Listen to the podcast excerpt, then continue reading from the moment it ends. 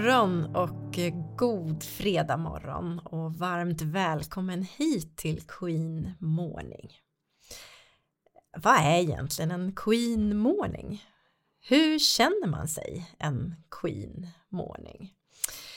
Det här med Queen, det har faktiskt ingenting med män eller kvinnor att göra för mig, utan det är en känsla inom mig som jag kommer att komma tillbaka till under dagens avsnitt. För idag så ska vi prata om när det är dags att gå vidare på något sätt i livet. Gå vidare från ett jobb till ett annat eller byta bana helt. Förverkliga en dröm som du har inombords eller våga ta steget eller kanske lämna arbetslivet för att det är dags för en annan fas i livet. Och känslan av att vara en queen för mig, det är att känna att här är jag, här är mitt liv och jag äger det. Det är min morgon, min start på dagen och jag äger den starten. Ja, och sen vet vi ju, både du och jag, att det är inte alla morgnar som man känner sig som en queen. Det gör inte jag heller. Man kan sova dåligt eller vara sjuk, vara osams med någon, känna sig stressad. Så är livet. Men grundläget för mig i alla fall är att så ofta det går så vill jag känna mig som en queen. Och då måste jag ta ansvar för att det blir så också. Medvetna val. Ni börjar känna igen det, ni som har lyssnat några gånger. Så innan vi dyker in i ämnet idag så tänker jag att eh, oavsett om du har vaknat som en queen idag eller ej så ska du få starta den här halvtimmen med mig förhoppningsvis på ett bra sätt.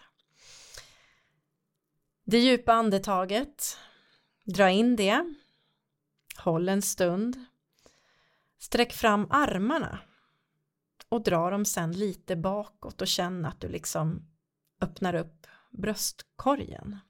Den som förmodligen har suttit lite trängd här framför kanske en laptop eller gått och frusit hela veckan. Och så andas du ut långt på ett S om du vill. Och så har du släppt in lite nytt syre i kroppen och inte minst i hjärnan. Jag vill börja med också att säga tack till alla er som lyssnar. Nu är vi uppe i 200 stycken och det ökar stadigt och jag är så glad för var och en av er och så glad för återkoppling och alla tips på det som ni vill fundera över tillsammans med mig. Och om det är så att du gillar den här podden så blir jag också väldigt glad om du vill dela med dig av den till andra. Så tack för all återkoppling. Och varmt välkommen till Queen Morning och ett extra välkommen till dig som är med första gången. Jag som pratar heter Ann Eberhardsson och jag är grundare av Queen of My Life och den här podden Queen Morning. Jag tror på hållbarhet. Jag tror att allt annat än mer hållbarhet i våran värld i våra liv, i våra yrkesliv, det är ohållbart. Och jag tror också på någonting som jag kallar för hållbar framgång. Att den framgång som vi önskar, som vi strävar efter i våra yrkesliv, våra privatliv och i våra organisationer, den behöver vara hållbar. Inte på bekostnad av kommande generationers möjlighet att få sina behov tillfredsställda och få ha sin framgång och sina behov tillfredsställda och inte heller på bekostnad av din hälsa på grund av stress, arbetsbelastning eller otillräcklighet för att du har ett ohållbart liv eller yrkesliv. Och utan hållbar framgång för våran värld och vårt samhälle och de verksamheter vi finns i då blir det inte lika bra. För allting hänger ihop. Och för mig så blir det här ett allt starkare samband mellan hållbarheten i våra liv och hållbarheten i hela vår värld. Hållbarhet har inte alltid haft den här centrala platsen i mitt liv som den har idag. Den medvetenheten landade ungefär samtidigt som jag bestämde mig för att just bli en Queen of My Life. Alltså den dagen, eller de dagarna ska jag säga, som jag tog några livsavgörande och viktiga beslut och förflyttade mig till den plats där jag är idag och som jag idag är oerhört tacksam för och vill dela med mig av till andra. Men nu, nu ska vi börja med den där känslan. Den där känslan som antingen smyger sig på eller kommer farande ganska drastiskt. Känslan av att nu börjar det bli dags att göra någonting annat. Det här är inte okej längre. Vet du var du har den där känslan i kroppen någonstans? För mig sitter den i maggropen, som en slags hunger nästan. Det är en väldigt påtaglig känsla. Eh, den leder också till en slags inåtvändhet för mig. Tankar som börjar snurra, inte sällan trötthet och ibland nästan också apati. Då vet jag nu är det dags att göra någonting annat. Det är dags för nästa steg i livet. Så om du känner igen den känslan, var den än sitter i kroppen på dig, då har du varit med om ett sånt skifte. Och har du inte det, då har du kanske det framför dig. Men du som har det, när tog du steget när tog du steget att våga söka det där jobbet? Vågade börja plugga för första gången i livet? Vågade tacka ja till helt nya uppdrag? Vågade bjuda in kärlek och en annan människa i ditt liv fullt ut? Vågade skilja dig? Vågade resa på semester på egen hand?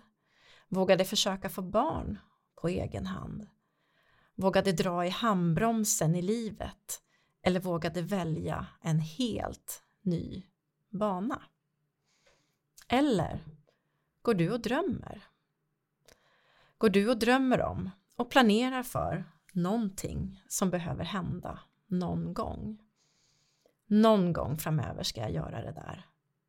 Någon gång ska jag våga. Eller gnager det just nu inombords? Det börjar verkligen bli dags för nästa steg? Och vad är det som håller dig tillbaka? Det kan ju finnas jättemånga skäl till att det är dags att ta nästa steg i livet eller i yrkeslivet. En del styr man över själv och annat styr man inte alls över. Det är därför det här kan vara något som man planerar för under en lång tid eller som faktiskt bara kommer som en blixt från en klar himmel. Och det finns också flera psykologiska faktorer som påverkar när vi tar steget att förändra livet eller yrkeslivet. Och de här faktorerna kan handla om motivation eller brist på motivation. Yttre händelser, alltså sånt som händer runt omkring oss i vår omvärld eller i vår närhet. Eller kriser i våra egna liv. Eller när vi upptäcker att våra värderingar har förändrats eller de mål som vi strävat efter, de nådde vi aldrig. Det här kan vara en rätt så komplex process som verkligen varierar från person till person. Och det finns många olika förändringsmodeller som man kan luta sig emot. Och eh, en av de mest eh, kända teorierna det är James Prochaskas stadiemodell för förändring. Och den här modellen beskriver att eh, vi människor går igenom olika stadier när vi överväger och genomför förändringar i våra liv. Och de här, just eh, hans teorier har funnits, funnits ganska länge, eller sedan, sedan 70-talet och eh, har också lagt grunden för andra förklaringsmodeller för att vi ska förstå vad som händer i förändringar. Men hans, hans grundmodell, eller de stadier i alla fall som han pratar om, handlar om prekontemplation. Alltså den, eh, ja, det stadium som man befinner sig i innan man överväger en förändring. Och sen kommer själva kontemplationen. Jag tycker att det är ett sånt otroligt vackert ord. Eh, och det är när vi står mitt i och funderar på att göra förändringen. Vi har alltså övervägt att göra den först och sen kommer vi in i att fundera på att vi ska göra den. Och därefter så följer liksom själva förberedelsefasen och den kan ju innehålla många delar också. Och sen så kommer handlingen alltså själva genomförandet. Och sen så kommer underhållet, avslutas med underhållet och här kan jag också tänka att det är lite som en lite som en förvaltningsfas och vidareutvecklingsfas på något sätt. Alltså förändring har ju ändå lett fram till någonting eh, nytt. Och det är ju det nya som också då behöver underhållas på olika sätt. Nya val eller nya vanor eller vad det nu kan vara för någonting. Så de här stadierna eh, finns ju och jag kommer att komma tillbaka till dem. Men det kan också vara kris, eh, eller ja, kris och olika typer av övergångar i livet som också kan leda fram till att vi funderar över att göra förändringar i vår karriär till exempel. Och eh, det kan ju vara så att man faktiskt har blivit varslad eller blivit av med sitt jobb. Eh, det kan vara ett vikariat som har tagit slut eller det kan också vara så att en arbetsgrupp som man jobbar i har, har blivit förändrad. Kollegor har slutat, det blir en slags personlig förlust. Ehm, det kan handla om att få ny chef eh, eller att eh, organisationen förändras på något sätt som gör att det finns behov av att ompröva karriären. Och eh, jag vill väl också säga att karriär för mig det är inte, vad ska jag säga, en linjär händelse uppåt på något sätt, att man hela tiden behöver förkovra sig eller sträva efter mer och mer kvalificerade tjänster utan karriär för mig det är att ja men på något sätt kunna följa den dröm eller utstakade väg som man vill gå genom yrkeslivet eller det man är nyfiken på. Så det kan ju vara olika typer av kriser som sagt som kan utlösa det här känslan av att det är dags att göra någon typ av förändring. Men det kan också vara självbestämmande teorin. Och den handlar ju om att vi är mer benägna att göra förändringar om man känner att det här beslutet har jag tagit själv. Och det stämmer överens med mina värderingar och intressen. Och så kan det ju också vara i en organisation. Ehm, det kan ju vara så att ehm, att man blir uppköpt eh, eller att eh, organisationer slås ihop eller att ehm, eh, affärsutvecklingen går åt ett annat håll än tidigare och så vidare och så stämmer det inte längre med de egna personliga målen och värderingarna och då kan det också i sin tur liksom öka motivationen att göra en, en förändring. Men sen finns det en annan typ av motivation och den, den kan också hänga ihop med belöningssystem. Att eh, eh, att ja, det finns olika beteendeteorier som handlar om att förändringar är mer sannolika och som de belönas. Om, om vi kan se möjligheten till att eh, ja men till exempel jag behöver, jag behöver byta jobb nu för att jag tror att jag kommer få en ökad arbetsglädje om jag tackar ja till det där eller jag kommer få en högre lön för det har jag längtat efter länge eller jag kommer få en helt annan utvecklingsmöjlighet. Alltså att det, man ser att det finns motivation och belöning i att göra nya val och förändring.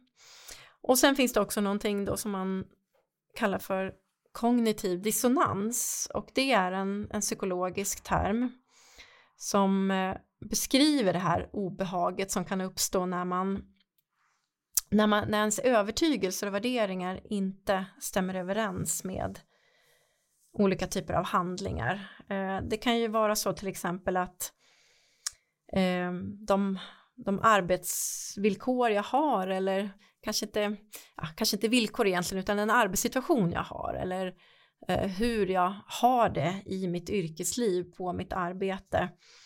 Det rimmar inte längre med att kunna leva efter mina värderingar eller efter den livsstil som jag vill ha.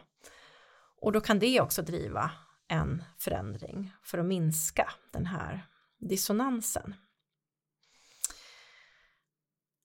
Och det här blir ju lite teoretiskt men, men jag gillar att eh, ändå försöka hänga upp det som sen händer i livet på teori. För mig så blir det en viss typ av förklaringsmodell för att också förstå lite mer vad som driver och vilka stadier som man kan gå igenom.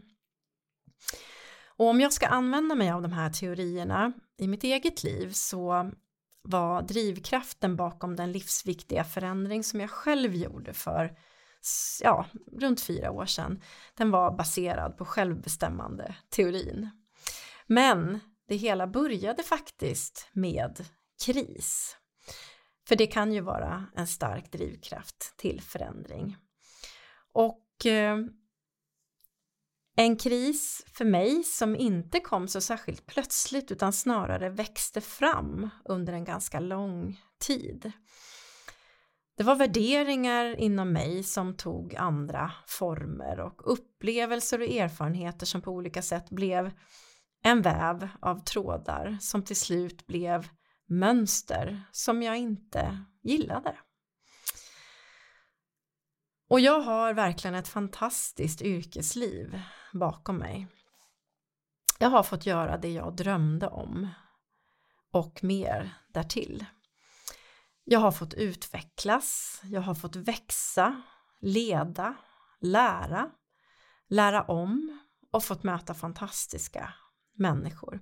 Och jag la faktiskt upp en plan för min karriär som ja, inte, inte bara var linjär, den var linjär till viss del men, men det fanns också andra delar i det här. Jag la upp den planen redan när jag var 20 år, lite drygt.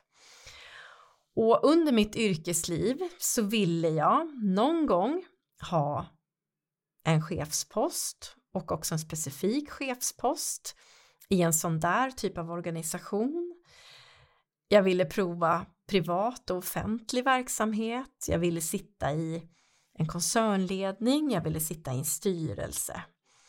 Jag ville jobba i en stor och komplex organisation. Jag ville jobba internationellt och jag ville jobba i ett litet startup-sammanhang. Det var liksom skissen jag gjorde då. Och jag har fått allting. Och jag säger det med ödmjukhet och tacksamhet. Men när jag var klar med den där planen, då blev det tomt. Tomt inombords, tomt på motivation och tomt på kraft. Tomt på passion. Och det kändes som att jag mest gick på möten och skrev rapporter och höll presentationer och upprepade mig. Åkte hem, lagade mat, handlade, såg till att livet snurrade på, hanterade olika situationer, kändes det som. Och det blev ju inte bra i längden. Så då kom ju de där tankarna, vad ska jag göra nu? Stanna, tänka om, leta mig vidare, göra något helt annat. Men hur ska det gå till? Vad kan jag egentligen? Efter 25 år som chef, vad kan jag egentligen? Och vem är jag? Och vad är riktigt viktigt? Jag prekontemplerade, som Prochaska skulle ha sagt. Och jag övervägde och omprövade i princip allt i livet. Och det här pågick ett tag och när det får pågå ett tag då blir det kris. och eh, ni vet liksom när man också hamnar i det där att man pendlar mellan att, i alla fall jag gjorde då, omskola mig till rymdfysiker, vilket inte ens skulle vara möjligt, eller till konditor, eller att eh, sälja allting och, och, flytta ut i skogen eller köpa en enkel biljett till London. Den tanken var lockande väldigt många gånger. Jag har haft möjlighet att jobba där eh, vid flera tillfällen och var också där som au pair eh, i min ungdom. Så att London har en särskild plats i mitt hjärta. Så att det har ju också varit en tanke förstås, köpa en enkel biljett och åka dit. Och sen så har man ju allt det där som är en del av livet och som alltid har varit en del av livet och som är viktigt och som är svårt att både ändra och överge. Och det där som har blivit som det har blivit. Det jag har ansvar för, men det jag också har på olika sätt blivit involverad i.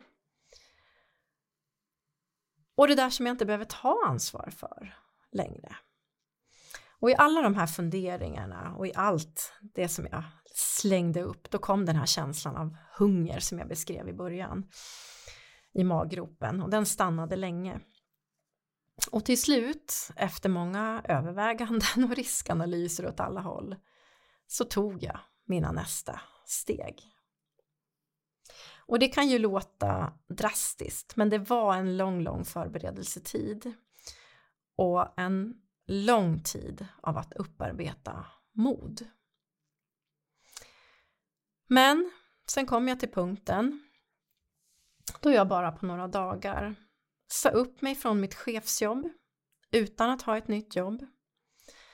Vågade säga till min dåvarande man att vi måste skilja oss efter 28 år tillsammans.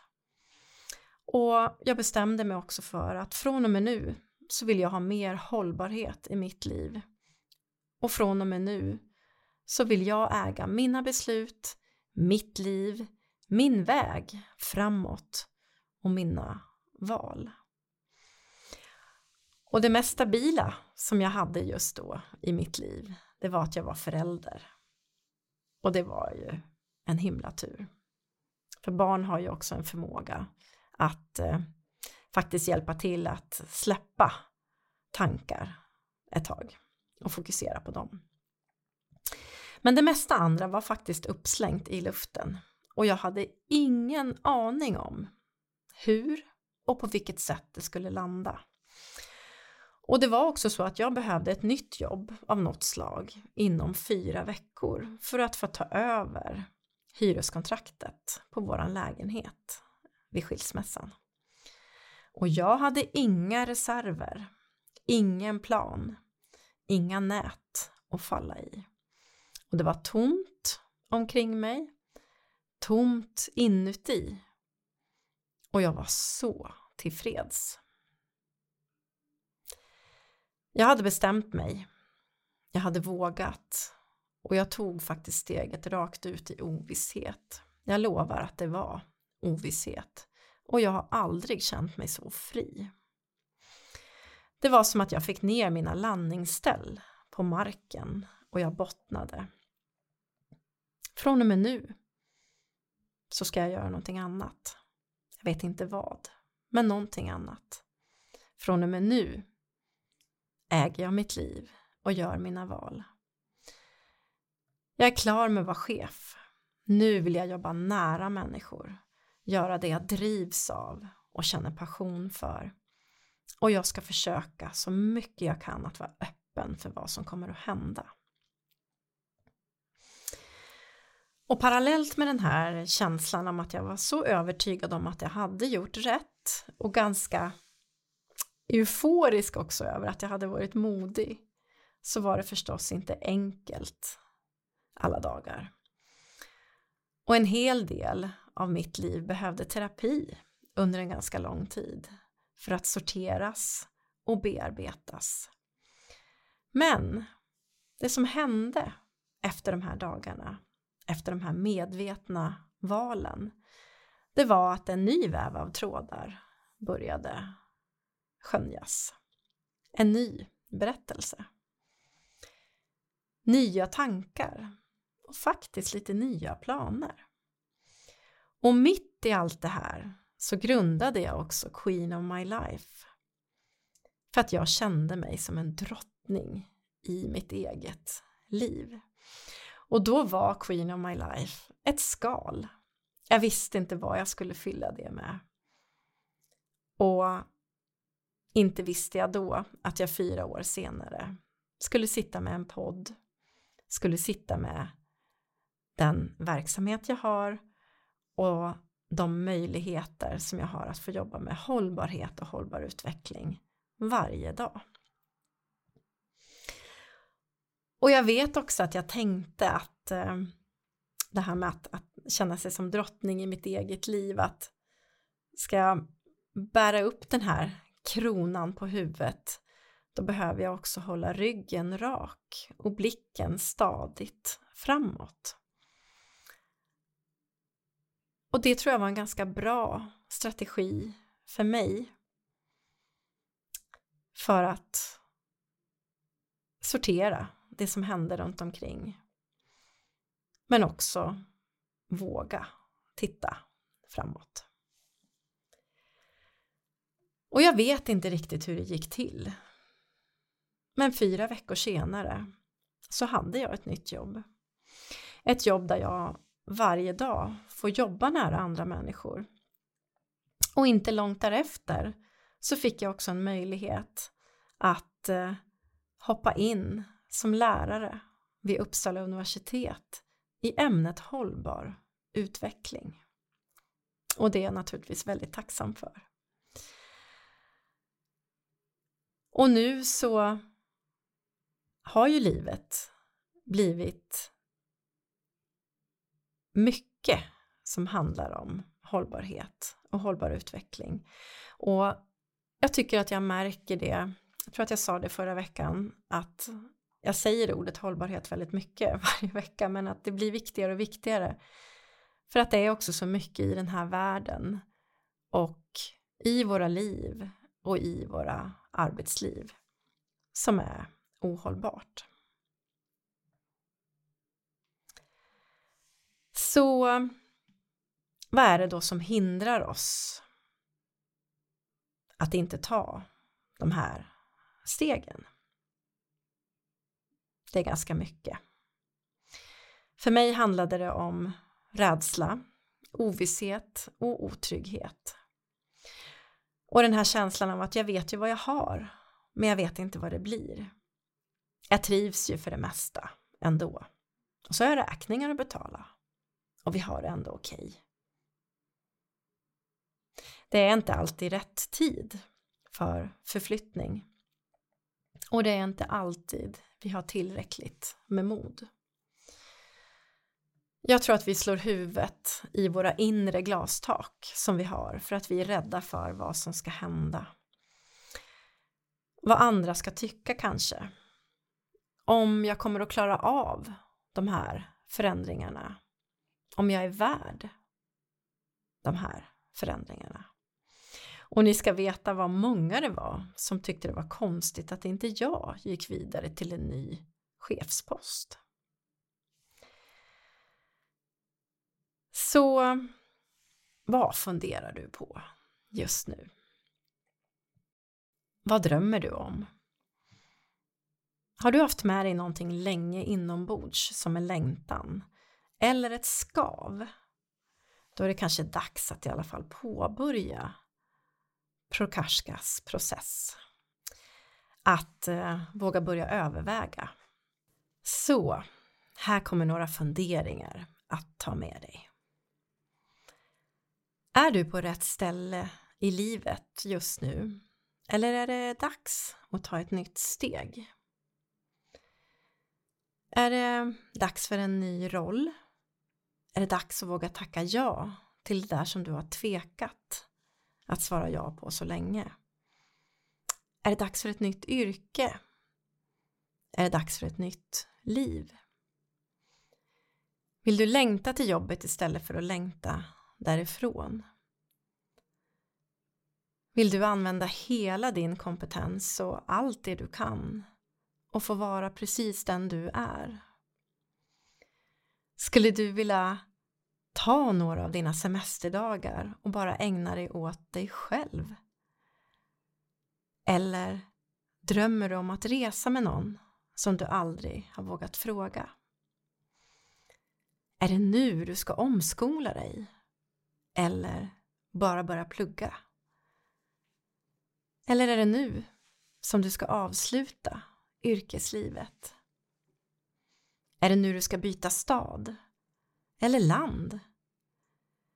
Är det nu du ska våga berätta för någon om vad du drömmer om? Är det nu som du ska bli queen i ditt liv? Om jag har vågat så vågar du också. Och vill du ha sällskap på din väg då är du varmt välkommen att höra av dig till mig. Jag ska inte ge dig några råd.